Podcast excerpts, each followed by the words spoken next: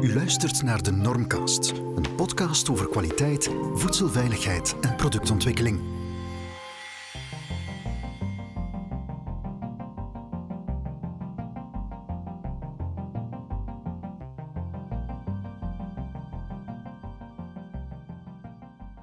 Hallo en welkom allemaal bij de Normcast.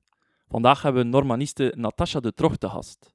Natasha is bijna negen jaar aanwezig in de wandelgangen van AM Norman. Heeft de B2C-sector nog geheimen voor haar? Zou ze haar aantal opleidingen tellen? We vragen het haar straks.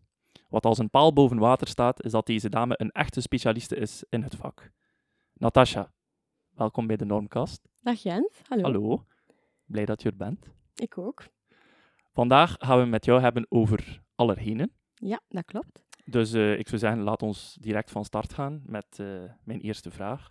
En die is eigenlijk een allergeen. Wat is dat nu eigenlijk, Natasha? Een allergeen is een uh, stof die een allergische reactie of intolerantie opwekt. En deze stoffen kunnen eigenlijk heel uiteenlopend zijn. dat kunnen voedselallergenen zijn, zoals pinda en noten. Maar er bestaan natuurlijk ook andere allergenen, zoals pollen, huisdieren, katten, dieren, zilver bijvoorbeeld. Daar kunnen mensen ook allergisch voor zijn, dan krijgen ze van die blauwe vingers. Uh, als we gaan kijken naar uh, voedselallergenen, dan zijn er in totaal een, 385 voedingsmiddelen die een allergische reactie of een intolerantie kunnen opwekken, waarvan 14 de wettelijke.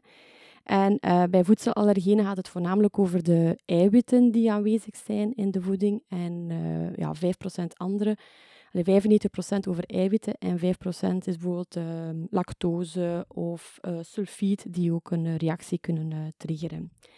Nu, misschien moet ik het dan ook eventjes hebben over wat een allergie is. Graag. Ja. dus zoals je weet heeft iedereen natuurlijk een afweersysteem of immuunsysteem. En dat heeft als doel om ons gezond te houden tegen gevaarlijke invloeden van buitenaf. Hè. Ik denk aan die corona worden er niet anders over. Um, als er iemand in jouw buurt staat en die niest of die hoest, dan komen er viruscellen of bacteriën in je lichaam naar binnen. En dan gaat eigenlijk je uh, lichaam antistoffen gaan aanmaken met als doel die viruscellen zo snel mogelijk te deactiveren, om die zo snel mogelijk uit het lichaam te verdrijven. Nu, bij mensen die lijden aan een allergie, daarbij gaat eigenlijk het lichaam ook die stoffen aanzien als iets vreemd, als iets schadelijk, terwijl dat helemaal niet schadelijk is. Melk is eigenlijk helemaal niet schadelijk. Um, maar het lichaam gaat ook die melk aanzien als een soort van, soort van micro-organisme en gaat ook antistoffen gaan aanmaken uh, om die melk zo snel mogelijk uit het lichaam te verdrijven. En daarbij worden er verschillende soorten stoffen aangemaakt, uh, waaronder ook histamine. En het is die histamine die er gaat voor zorgen dat je dan eigenlijk allerlei allergische klachten en reacties uh, gaat, uh, ja, gaat krijgen. Het is afhankelijk van waar dat de histamine wordt aangemaakt, is daar ook dat je dan ook die allergische reacties uh, gaat krijgen. Oké, okay, ja. En ja, je vertelt over een allergie, maar je hebt ook intolerantie ja. vermeld. Wat, ja. uh, wat is dat dan? Een intolerantie heeft niks te maken met het immuunsysteem, maar dat heeft eigenlijk te maken met je verteringsproces, met je maag-darmstelsel. Dus lactose, mensen met een lactose-intolerantie, die zijn eigenlijk uh, intolerant tegen de natuurlijke suikers in de melk. Uh, dat wil eigenlijk concreet zeggen dat zij het enzym lactase niet hebben in de maag-darmstelsel. Die zorgt voor uh, ja, het, uh, het, het kapotmaken van die lactose. Dus die suiker blijft eigenlijk aanwezig in het maag-darmstelsel en dat zorgt dan voor een hele race aan, aan klachten. Hè. Ongemakkelijke En klachten. ongemakkelijke, ja. ja. ja. Oké. Okay. Um, dus het heeft te maken eigenlijk daar een, intolerantie meer met het maag-darmstelsel eigenlijk. Ja. ja. Dus eigenlijk is dat totaal iets verschillend dan een allergische reactie. Ja, okay, klopt. Daar gaan we vanuit. Ja. Denk jij dat uh, voedingsbedrijven vandaag de dag voldoende kennis hebben over allergenen? Goh, als je gaat kijken naar het aantal recalls, uh, dan zou ik eigenlijk zeggen op het eerste gezicht van niet. Hè. Bijvoorbeeld, ik heb nu een keer de cijfers opgezocht. In 2018 waren er in totaal 176 recalls, waarvan uh, 36 betreffende allergenen. Um, maar langs de andere kant denk ik ook uh, waarom dat er nu meer recalls is, omdat het misschien um, ja, de overheid meer controles gaat uitvoeren, het FAVV. Um, en misschien dat ook bedrijven er ook aler alerter gaan op zijn. Hè. Als we bijvoorbeeld gaan kijken, in, specifiek nu naar de B2C-sector, uh, in het begin van die allergenenwetgeving, die van sinds, sinds 13 december 2014 van kracht is, um, dan betreft dat eigenlijk één vraag op drie punten op de checklist van het FAVV. En terwijl dat, dat nu toch al uh, drie vragen zijn, één vraag op tien punten en twee vragen op drie punten. Dus het FAVV gaat ook wel uh, strenger ja, gaan toezien op die allergenenwetgeving. Dus ja, het is voldoende kennis. Ik denk dat er nog wel wat kennis bij mag. ik denk dat er zeker nog voldoende ruimte is voor verbetering. Dat denk ik wel. Ja. ja. En, en hoe kunnen ze die verbetering, hoe kunnen ze dat doen? Allee, bestaat er iets als een allergenenplan of actieplan of allergenenbeleid? Of, uh... Ja, dus um, als ik ben ga kijken een keer uh, welke ja, meldingen, de, de, voornamelijke oorzaken op vlak van uh, recalls. En dan zie je eigenlijk dat de, de, de, allee, de grootste probleem eigenlijk foutieve etiketinformatie is. Dat dat eigenlijk bijna 40 procent uh, de oorzaak is van de recalls. Dus uh, ja, dan denk ik dat wij daar nog wel wat werk in hebben. Uh, en zo ook, ook, zeker bij ons bij voedingsetikettering. ja. uh, dus dat er daar zeker nog ja, ruimte voor verbetering is. Um, dan zien we ook verwisseling. Dat is ongeveer 32% van de oorzaken van, uh, van de recalls. Dus wat, dat is eigenlijk meer op ehm, niveau van de productie waarbij dat bijvoorbeeld een, uh, ja, een, een, product in, op, in, het, in de verkeerde verpakking uh, wordt uh, verpakt. Of het verkeerde etiket dat wordt gekleefd, dus op die manier.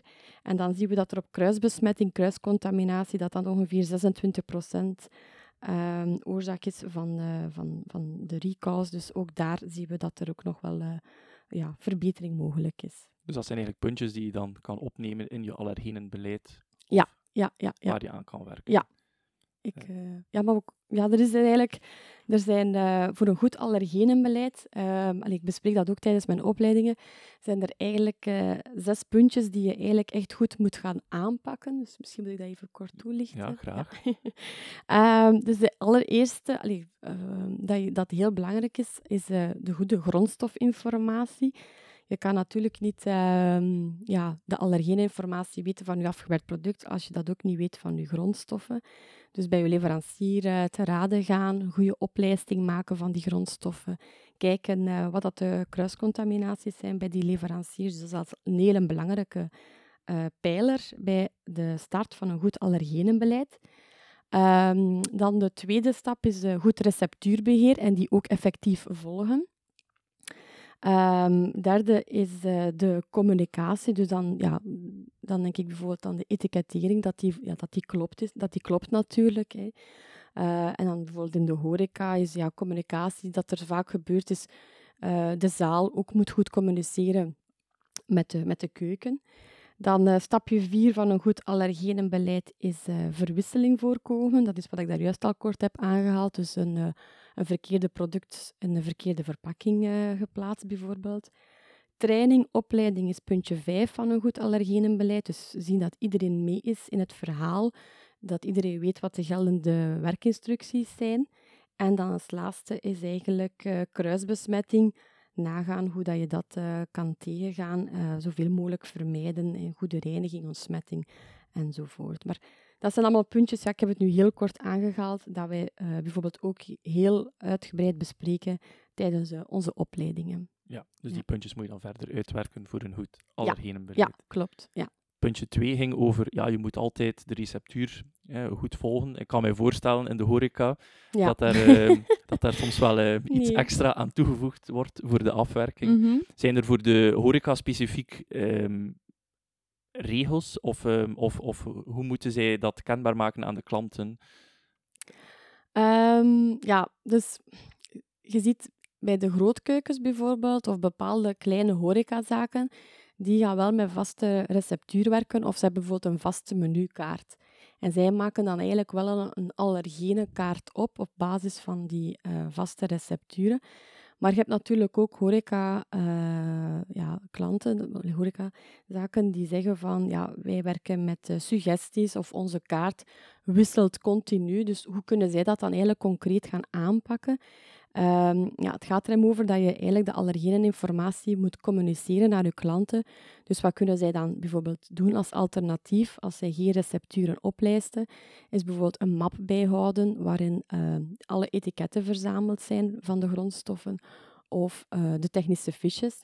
En als er dan een vraag wordt gesteld van kijk, die uh, tomatensaus, welke allergenen zitten daarin, dan kunnen ze eigenlijk op dat moment gaan kijken naar die etiketten en naar die technische fiches. En op dat moment, ja, het is wel een beetje opzoekingswerk, maar ze kunnen dan op die manier ook de informatie gaan meedelen. Hè.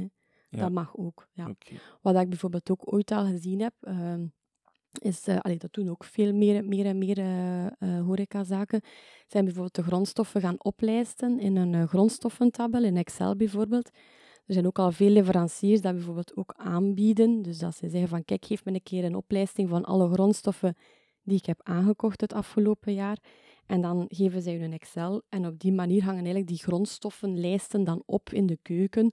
Of worden die in een map verzameld en kan je op die manier ook gemakkelijker uh, aan je informatie komen. Een soort dus van matrix waarin dat uh, matrix, de ja. kok dan snel ja. kan kijken, oké, okay, dit en dit en ja. allee, of deze allergenen heb ik erin verwerkt. Dus als er niet met recepturen wordt gewerkt, dan kan je wel op die manier toch nog die informatie doorgeven. Hè. Het is niet verplicht dat op alle uh, menukaarten uh, de allergenen vermeld staan. In België is er een uitzondering.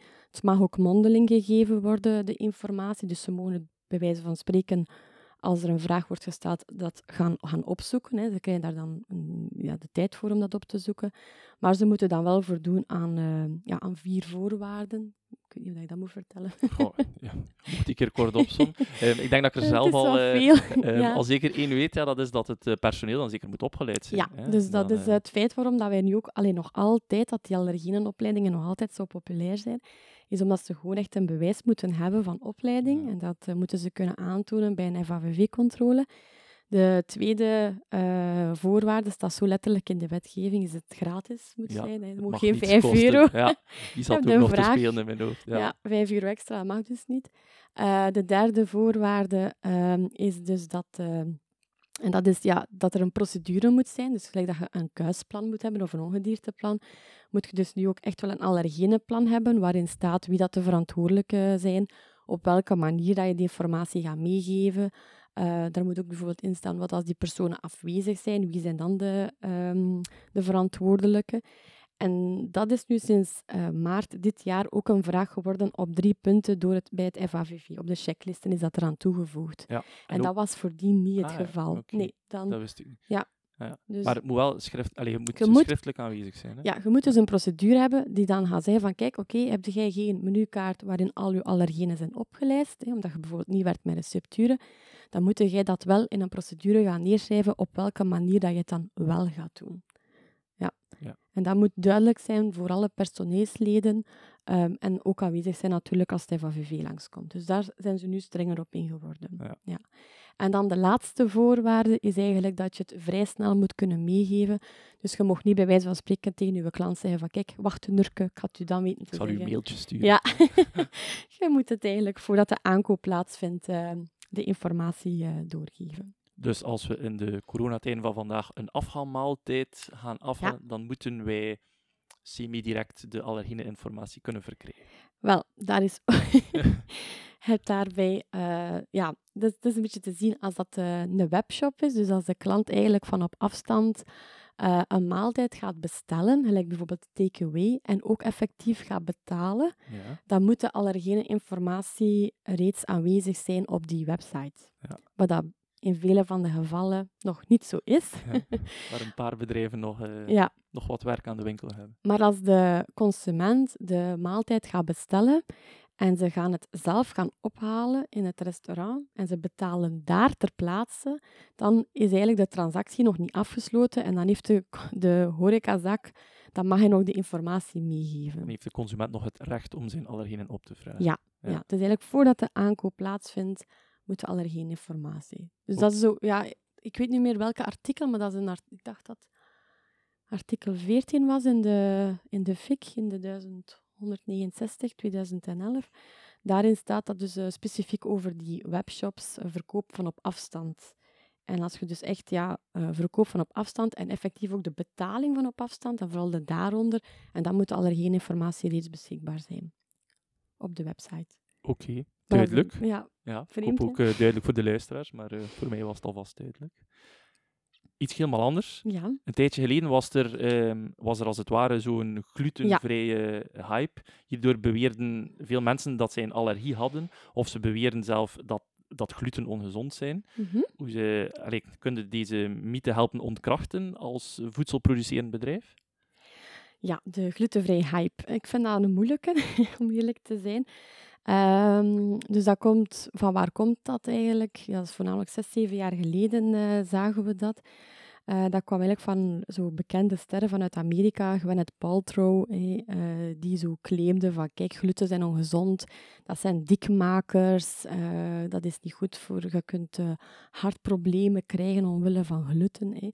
Zelfs bij ons in België, ik weet niet of je dat weet Jens, heeft Piet Huizentruid ook eens gezegd dat glutenvrij gezonder is. Nee, en, uh, nee. Ja, inderdaad. In, en in heeft het hij, programma SOS Piet. ja, en heeft hij zelfs uh, gezegd dat in spelt geen gluten zitten. Ah, mooi. Ja. Oei. En wat is er dan gebeurd? Ik denk dat het zes jaar geleden is ongeveer. Uh, dan is men eigenlijk massaal bij de bakker om speldbrood gegaan. Ja. En is er zelfs op een bepaald moment eigenlijk ja, een tekort aan, aan speldbloem. Uh, omdat men dacht dus dat spelt gezonder was dan uh, tarwe en okay, roggen. Dank ja. je, Piet Huizentruid. Ja. Maar dat is dus niet waar. Hè. Spelt ja. uh, bevat degelijk wel gluten, maar wel 50% bijvoorbeeld minder gluten dan een tarwebroodje. Dat, dat is wel zo. Dus bevat minder gluten. Dus iemand met een milde vorm van een glutenintolerantie, die kan dus wel perfect ja, spelbrood verdragen.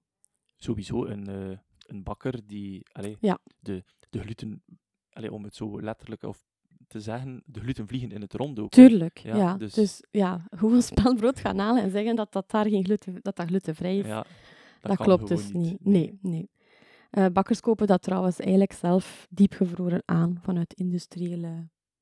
En dienen ze dat dan ook voorverpakt te... Ja. Voorverpakt uh, is dat reeds versneden.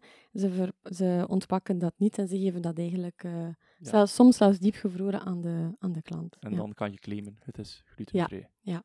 Nu, specifiek um, ja, over die glutenvrij hype heb ik me daar dan ook een keer in verdiept. Ik heb daar uh, ja, enkele jaren geleden een boek over gelezen en dat heet Broodbuik van William Davis. Ik weet niet of dat je het zegt. Nee, Ja. nee. Ik moeten aan het Ja. lijstje toevoegen. Ja, maar dat is echt een heel interessante boek. Want als ik die boek had gelezen, dan was ik precies ook al een beetje overtuigd van oei, oei, gluten is niet Ja. gezond.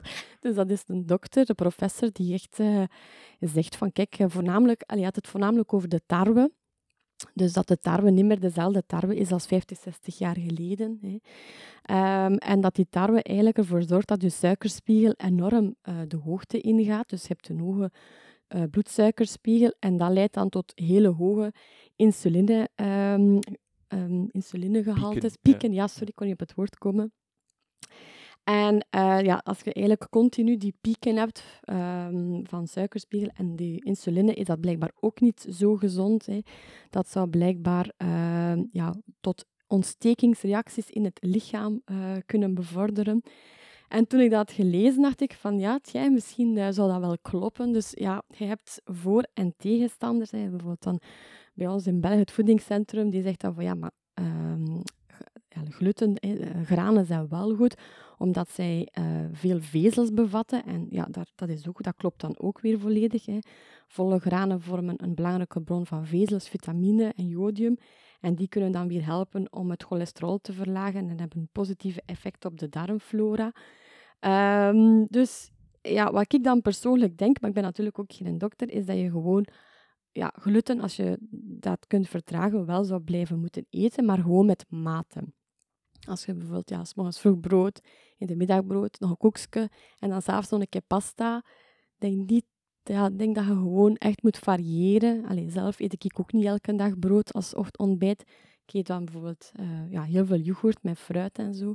Dus ik denk dat... eh, Het is ja, een beetje een kwestie van balans. Hè. Ja. Dat, is, Ja. dat is met alles in, in het leven, als je er te veel van doet, is het nooit niet echt goed. En ik denk niet dat gluten alleen kunnen zorgen voor zo'n piek in je, in je Nee, bloedsuikerspiegel. Hè. Er zijn nee heel wat dat. andere ja, ongezonde alternatieven die dat ook eh, veroorzaken. Hè. dat klopt, is dat. Maar hij zegt dat het ja, bij tarwe specifiek, eh, dat dat wel... eh, Ehm, ja, maar ik ben geen diëtist natuurlijk. Maar ik denk als je eigenlijk niet glutenintolerant bent, dat is ook gewoon zeggen van eet wel, blijf wel brood en gluten eten, maar gewoon met mate. Dat, eh, Ja, ik denk dat dat eh, het voornaamste is. ja, ja. Allee, ik ga daarmee akkoord. We hebben het daarnet gehad over de 1169 2011, hè, dus eh, de FIC-wetgeving. Ehm, er worden daar 14 allergenen in opgelijst. Ja. Vind jij dat die 14 wettelijke allergenen nog verder moeten uitgebreid worden? Bijvoorbeeld met de LEDA-lijst, de lijst de, van de Levensmiddelendatabank? Voor mij persoonlijk niet. maar dat is wat te summeren. Ja, oké. Nee, nee, maar eh, ja, als ik daar nu ga kijken professioneel, allee, daar heb ik er goed over nagedacht. Dus waarom heeft men eigenlijk in Europa voor die 14 wettelijke gekozen? Wat denkt u, Jens? Omdat Waarom- die, omdat die Ja, het meest voorkomt. Voilà, inderdaad. ja. Komen het meest voor. hè. Als je gaat kijken naar mosterd bijvoorbeeld. Bij ons in België komt dat eh, bijna quasi niet voor. Maar bijvoorbeeld eh, landen rond het Middellandse Zeegebied, Spanje, Zuid-Frankrijk. Daar zien we dat het aantal mensen met een mosterdallergie wel eh, hoger is. Pindas is dat meer bij onze noordergeburen.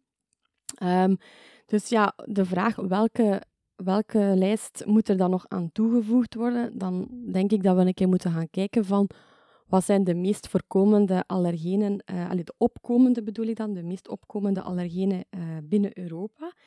Ehm, en dan zien we eigenlijk dat eh, ja, vandaag de dag in Europa 17 miljoen mensen lijden aan voedselallergie. Ehm, en voornamelijk kinderen die worden ja, ehm, ja, zwaarste getroffen. En dat zij ook vaak meer en meer zo levensbedreigende allergische reacties krijgen, jammer genoeg. Wat zien we dan specifiek bij kinderen? Is dat eh, kiwi een hele belangrijke allergeen is. Dus dat dat echt wel voor hele zware allergische reacties kan eh teweegbrengen. En voornamelijk zo in eh, IJsland, daar zien we dat heel veel kinderen allergisch zijn aan eh, kiwi. Dus ik denk dat als de lijst van de 14 allergenen zullen uitgebreid worden, dat kiwi hoogstwaarschijnlijk wel aan het lijstje wordt eh, toegevoegd. Ja. En weet Ja. je welke soort reacties dan die kinderen dan krijgen? Echt eh, anafylactische schokreacties, like een pinda. schokreacties. Dus het eh, dichte, allee, k- ja, slippen van de keel, het opzwellen van de keel be- bedoel ik eigenlijk, sorry. Ehm, waarbij dat er heel veel antistoffen worden aangemaakt ehm, en ja, bloeddrukval. Dus dat, dat levensbedreigende reacties. ehm. Amai. Ja. En dan, wat, welke dat ik, denk ik persoonlijk dat er misschien ook nog zou aan toegevoegd worden, ehm, is eh, glutamaat. Dat staat dus wel op de LEDA-lijst. hè. Dus glutamaat is een eh, smaakversterker, een additief, eh E620 tot E625. En dat wordt voornamelijk toegevoegd aan eh, Oosterse en eh, Chinese sauzen. Dat geeft die typische smaak van umami. Ja. Dus ik denk dat die ook wel, omdat ja, dat hoorde het ook wel vaak als ik die opleidingen geef, hoorde dat wel vaak terugkomen. Bij ons in België, wat dat je ook heel vaak hoort, maar dat weet ik niet persoonlijk hoe dat, dat zit in de rest van Europa, look. Als Ja. ik die opleidingen geven, eh, geef aan, aan de horeca-uitbaters, dan gaat dat veel over look. Dat veel Belgen allergisch zijn aan look. Ja. Maar, Ja, ik heb Ja. zelf ook ehm, heel lang in een restaurant gewerkt Ja? eh, als eh, jobstudent. En ook mensen hadden die vroegen van, ja, voor mij, eh, voor mij zonder look of zitten er in de kruiden eh, look verwerkt. En ja, ja, dus dat denk ik ook wel. Ehm, en dan wat ik ook nog denk dat er misschien wel aan toegevoegd wordt, is de pijnboompitten. ah, ja. Ja, pijnboompitten, velen denken, allee, horeca-uitbaters denken, dat dat hoort bij het wettelijk allergeen noten. Maar dat Nee. is natuurlijk geen noot, dat is een pit. Ehm, maar ik denk wel dat dat, er, dat, dat ook een kanshebber is. Ah. Maar natuurlijk, ja. ik denk op een duur, als ze zo in Europa die lijst van de 14 zouden gaan uitbreiden naar 20 of naar 24, ja, op een duur gaat het ook niet meer overzichtelijk zijn. Hè? Ja, ja, Dan ga je een ingrediëntenlijst hebben met allemaal allergenen die Ja. aangeduid zijn. Dus Ja, het gaat ook niet makkelijk worden voor, allee, voor de koks dan ook, voor, eh, nee. nee. ja, voor recepturen te maken of gerechten te maken die dat eh, geen allergenen, allee, of die allergeen wel en dat niet. Ja. En dan ja, wordt, een, eh, wordt een uitdaging, toch wel. Je hebt ehm, daarnet gesproken hè, dus over, de, eh, over kiwi-allergieën hè, bij kinderen, dat dat aan het opkomen is. Ik heb eigenlijk vorige week iets gelezen en dat was ehm, een, een meisje, allee, een meisje, een, ehm, een jonge vrouw, die, ehm, die, die met haar merk Uk en Puk ehm, het, een FIBA Award heeft gewonnen. En wat is dan FIBA Award? Dat is de Food Innovation Bachelor Award. Dus zij had groente- en fruithapjes gemaakt voor eh, baby's, kinderen van een, maand of vier tot een jaar of vier, eh, waar dat er ei en pinda aan toegevoegd was. Dus zodoende kunnen ouders op een, allee, op een veilige manier eigenlijk die, die allergenen introduceren bij hun kinderen. En ik had zoiets van, ja, wat, wat, wat moet ik hier nu over denken? Is dat nu goed of niet goed? Heb je, heb je daar een mening over? Of? Eh, er is al veel hierover eh, geschreven geweest. Hè. Eerst ehm, waren er studies dat ehm, het, het geven van pinda dat dat best zo lang mogelijk wordt uitgesteld. Dus dat dat maar vanaf een leeftijd van twee jaar en half, drie jaar is. Maar nu zijn er andere studies, eigenlijk recenter, ehm, die zeggen van kijk, het is toch beter om op jongere leeftijd, dus eigenlijk vanaf je mag vaste voeding geven, vanaf vier maanden, om dan eh, toch al kleine hoeveelheden eh, pinda te geven. Ehm, je ziet dat bijvoorbeeld ook al, ik heb nog andere studies gelezen, dat bijvoorbeeld kinderen die opgroeien met huisdieren, met katten en honden, dat ze eigenlijk veel minder allergieën ontwik- ontwikkelen ehm, dan kinderen die opgroeien zonder huisdieren. Of je hebt ook kinderen die bijvoorbeeld opgroeien ehm, op het platteland, dat zij ook minder eh, allergieën ontwikkelen dan kinderen die opgroeien in de stad.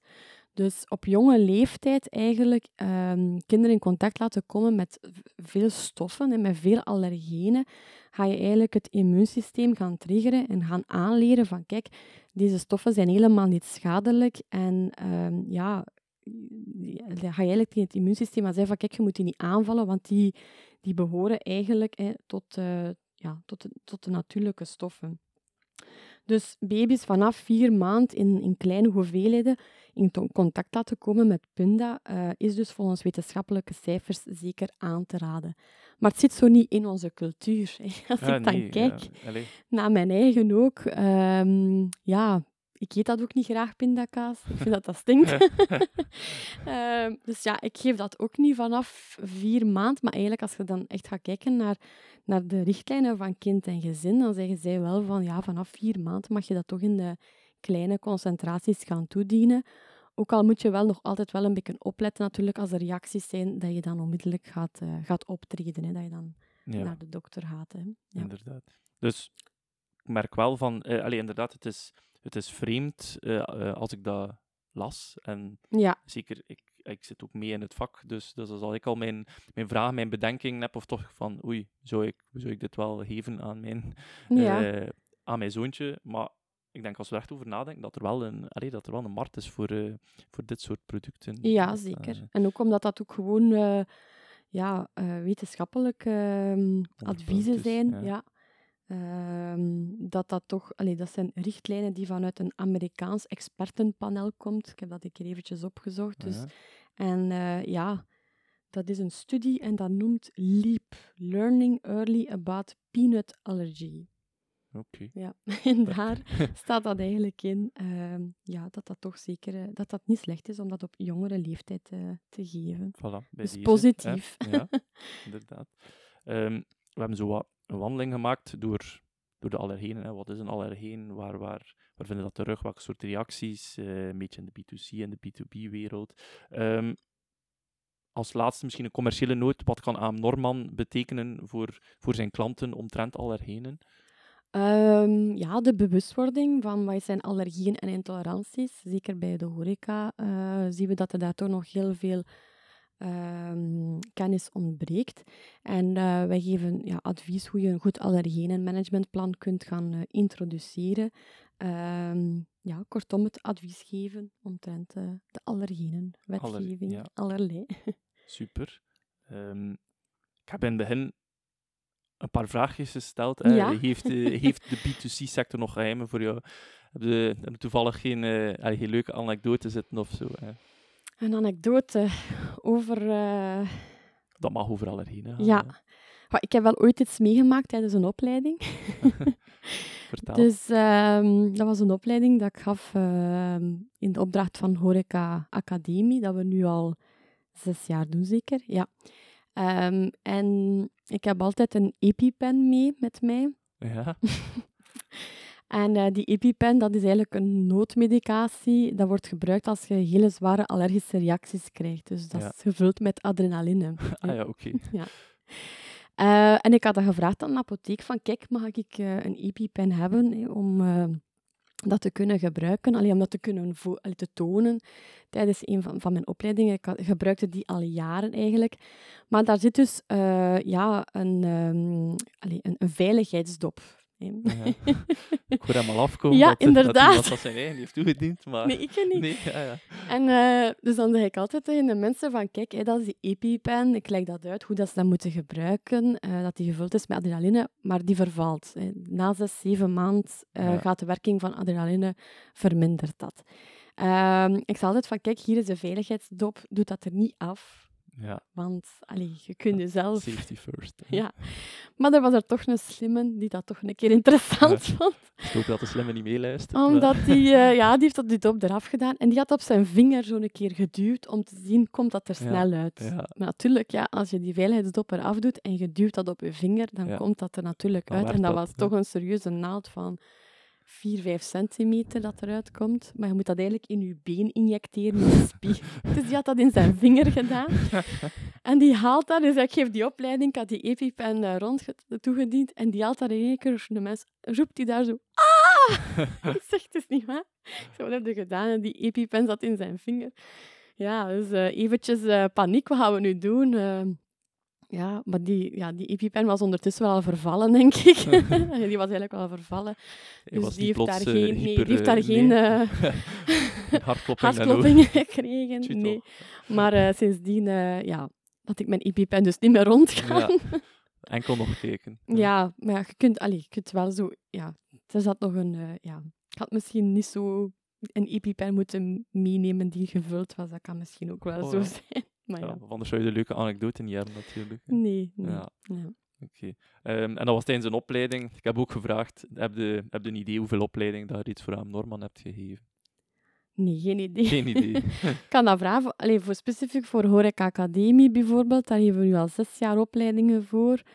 En eh, we hebben, ze hebben mij ooit een keer gezegd, ik denk dat dat in 2016 of zo was zeker, dat we toen op één jaar tijd eh, voor 950 mensen een opleiding hadden gegeven. Ja, hè? horeca-uitbaters. Ja. eh, Ja. Maar ja, zo wordt de kennis van allerheen goed verspreid. Dus, ja, en het eh, is wel leuk als je zo bijvoorbeeld een keer ergens gaat gaan eten, waar je normaal gezien niet altijd komt, dat je dan zo een keer onze posters ziet hangen. Of, allee, dat Ja. vind ik wel tof. Ja. Super.